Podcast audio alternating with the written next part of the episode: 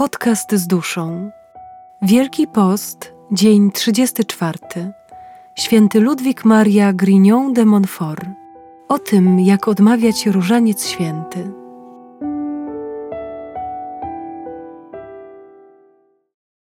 Dla Boga ważna jest nie tyle długość, ile żarliwość modlitwy. Jedno zdrowaś Maryjo, odmówione z zaangażowaniem, ma większe zasługi niż 150 odmówionych byle jak. Prawie wszyscy katolicy odmawiają różaniec, jedną tajemnicę albo przynajmniej kilka dziesiątków zdrowaś Maryjo. Dlaczego więc tak niewielu powstaje z grzechów i wzrasta w cnotach? Przyczyny należy szukać w tym, że nie modlimy się jak należy. Zobaczmy więc, jak trzeba odmawiać różaniec, żeby podobać się Bogu i wzrastać w świętości. Przede wszystkim jest konieczne, żeby osoba, która odmawia różaniec, była w stanie łaski uświęcającej albo podjęła postanowienie wyjścia z grzechu, ponieważ cała teologia naucza nas, że wszystkie dobre uczynki i modlitwy w stanie grzechu śmiertelnego są dziełami martwymi i nie mogą podobać się Bogu ani przybliżyć nas do życia wiecznego. Napisane jest bowiem: Niestosowny jest hymn pochwalny i zdrowaś Maryjo, i nawet Ojcze nasz w ustach grzesznika, bo nie przez Pana został zesłany. W tym też kontekście Jezus Chrystus mówi: Ten lud, czyli ci, którzy należą do bractwa i codziennie odmawiają różaniec, bez żadnego żalu za grzechy, czci mnie wargami, lecz sercem swym daleko jest ode mnie. Powiedziałem też, albo podjęła postanowienie wyjścia z grzechu, ponieważ po pierwsze, człowiek sam musi pragnąć zmiany w życiu. Jeżeli Bóg wysłuchiwałby modlitw tylko ludzi będących w stanie łaski uświęcającej, oznaczałoby to, że człowiek w stanie grzechu ciężkiego nie powinien się wcale modlić, chociaż bardziej tego potrzebuje niż sprawiedliwy. Takie rozumowanie jest błędem, odrzuconym przez nauczanie Kościoła.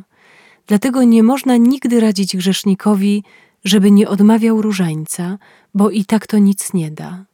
Po drugie, jeżeli ktoś chcący trwać w grzechu, bez żadnego postanowienia poprawy, stałby się członkiem bractwa, w którym odmawiano by różaniec lub jakąś inną modlitwę, byłby człowiekiem udającym nabożeństwo do Matki Bożej, świętoszkiem zarozumiałym i zatwardziałym.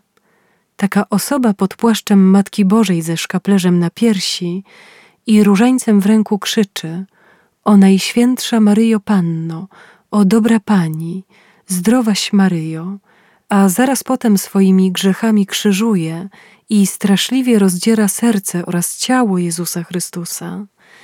I niestety spada z wyżyn najświętszych bractw Maryi Panny w ogień piekielny.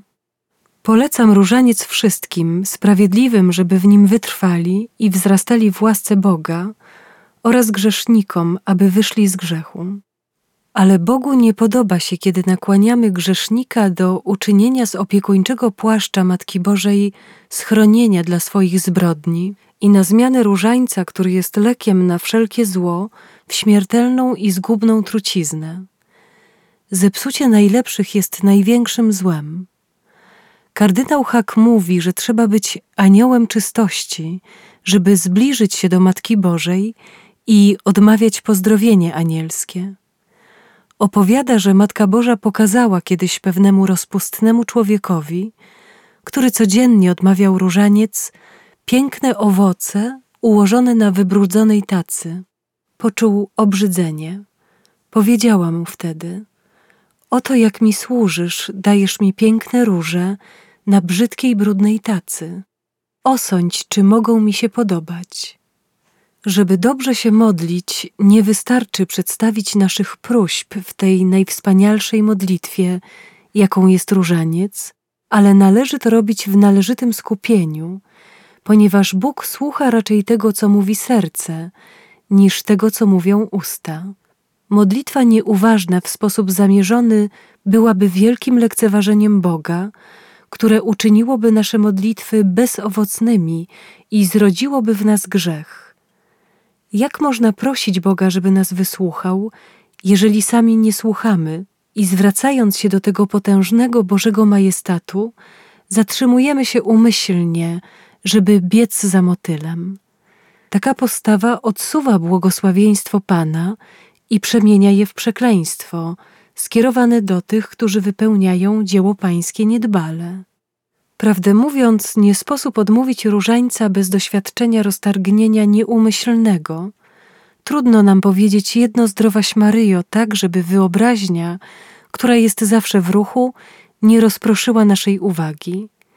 Można go natomiast odmawiać bez nieuwagi umyślnej i można podjąć wszelkie środki, aby zmniejszyć niechciane roztargnienie i unieruchomić swoją wyobraźnię. Aby to zrobić, stań w obecności Boga.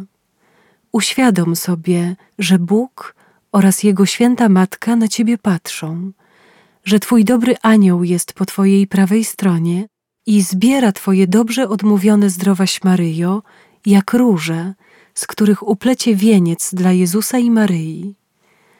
Natomiast demon stoi po Twojej lewej stronie i krąży wokół Ciebie, żeby zniszczyć Twoje zdrowaś Maryjo i wpisać je do swojej księgi śmierci, jeżeli nie są odmówione z uwagą, pobożnością i pokorą.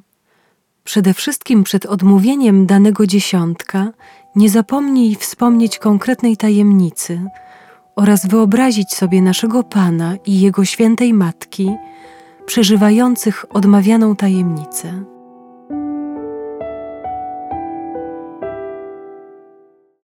Fragment pochodzi z książki Przedziwny sekret Różańca Świętego, świętego Ludwika Marii Grignon de Montfort, wydanej przez wydawnictwo Esprit.